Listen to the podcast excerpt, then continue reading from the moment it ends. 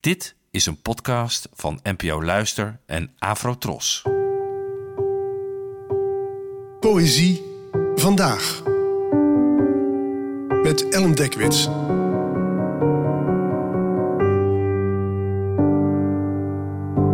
Hallo, fijn dat je luistert. Het gedicht van vandaag heet De Ratelslang en werd geschreven door de Nederlandse dichteres Patty Scholten, geboren in 1946 en gestorven in 2019. De Ratelslang. Dit opgerolde kwaad, meetlint van zonden, ligt schuldeloos te slapen bij de ruit. Rondom hem liggen lappen oude huid, wie zoveel zond, vervelt ook onomwonden.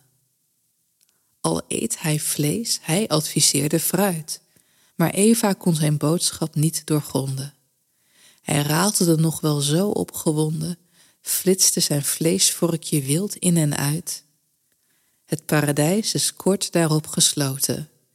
De boom werd omgehakt, de slang gevangen, het gif, daar zijn de appels mee bespoten. Die symboliek was ik me niet bewust. Ik werkte in Artis. Bij de ratelslangen werd ik, zoet zeventien, voor het eerst gekust. Ja, onlangs kreeg ik de vraag wie er nou eigenlijk het leukste dicht over dieren. En je hebt natuurlijk de geweldige Nederlandse dichter Kees Stip, die talloze grappige versen over de fauna schreef, zoals het beroemde korte op een konijn dat als volgt gaat. Bij Noordwijk zwom een nat konijn te midden van een school tonijn. Tja, zei het beest, dat tomt ervan, als men de ta niet zeggen tan. Maar wie ook heerlijk dichtte over beesten was Patty Scholte. Neem nou dit gedicht. Het barst uit elkaar van de manieren waarop je naar een slang kan kijken.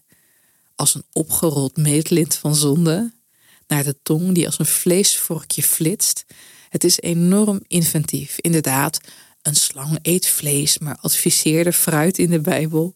En ja, na de zondeval wordt het slangengif gebruikt om appels, de vrucht van goed en kwaad, mee te bespuiten. En dan is er ook nog dat grappige slot. Hoe iemand uitgerekend bij de ratelslangen voor het eerst wordt gekust. Wat er daarna gebeurt laat zich raden.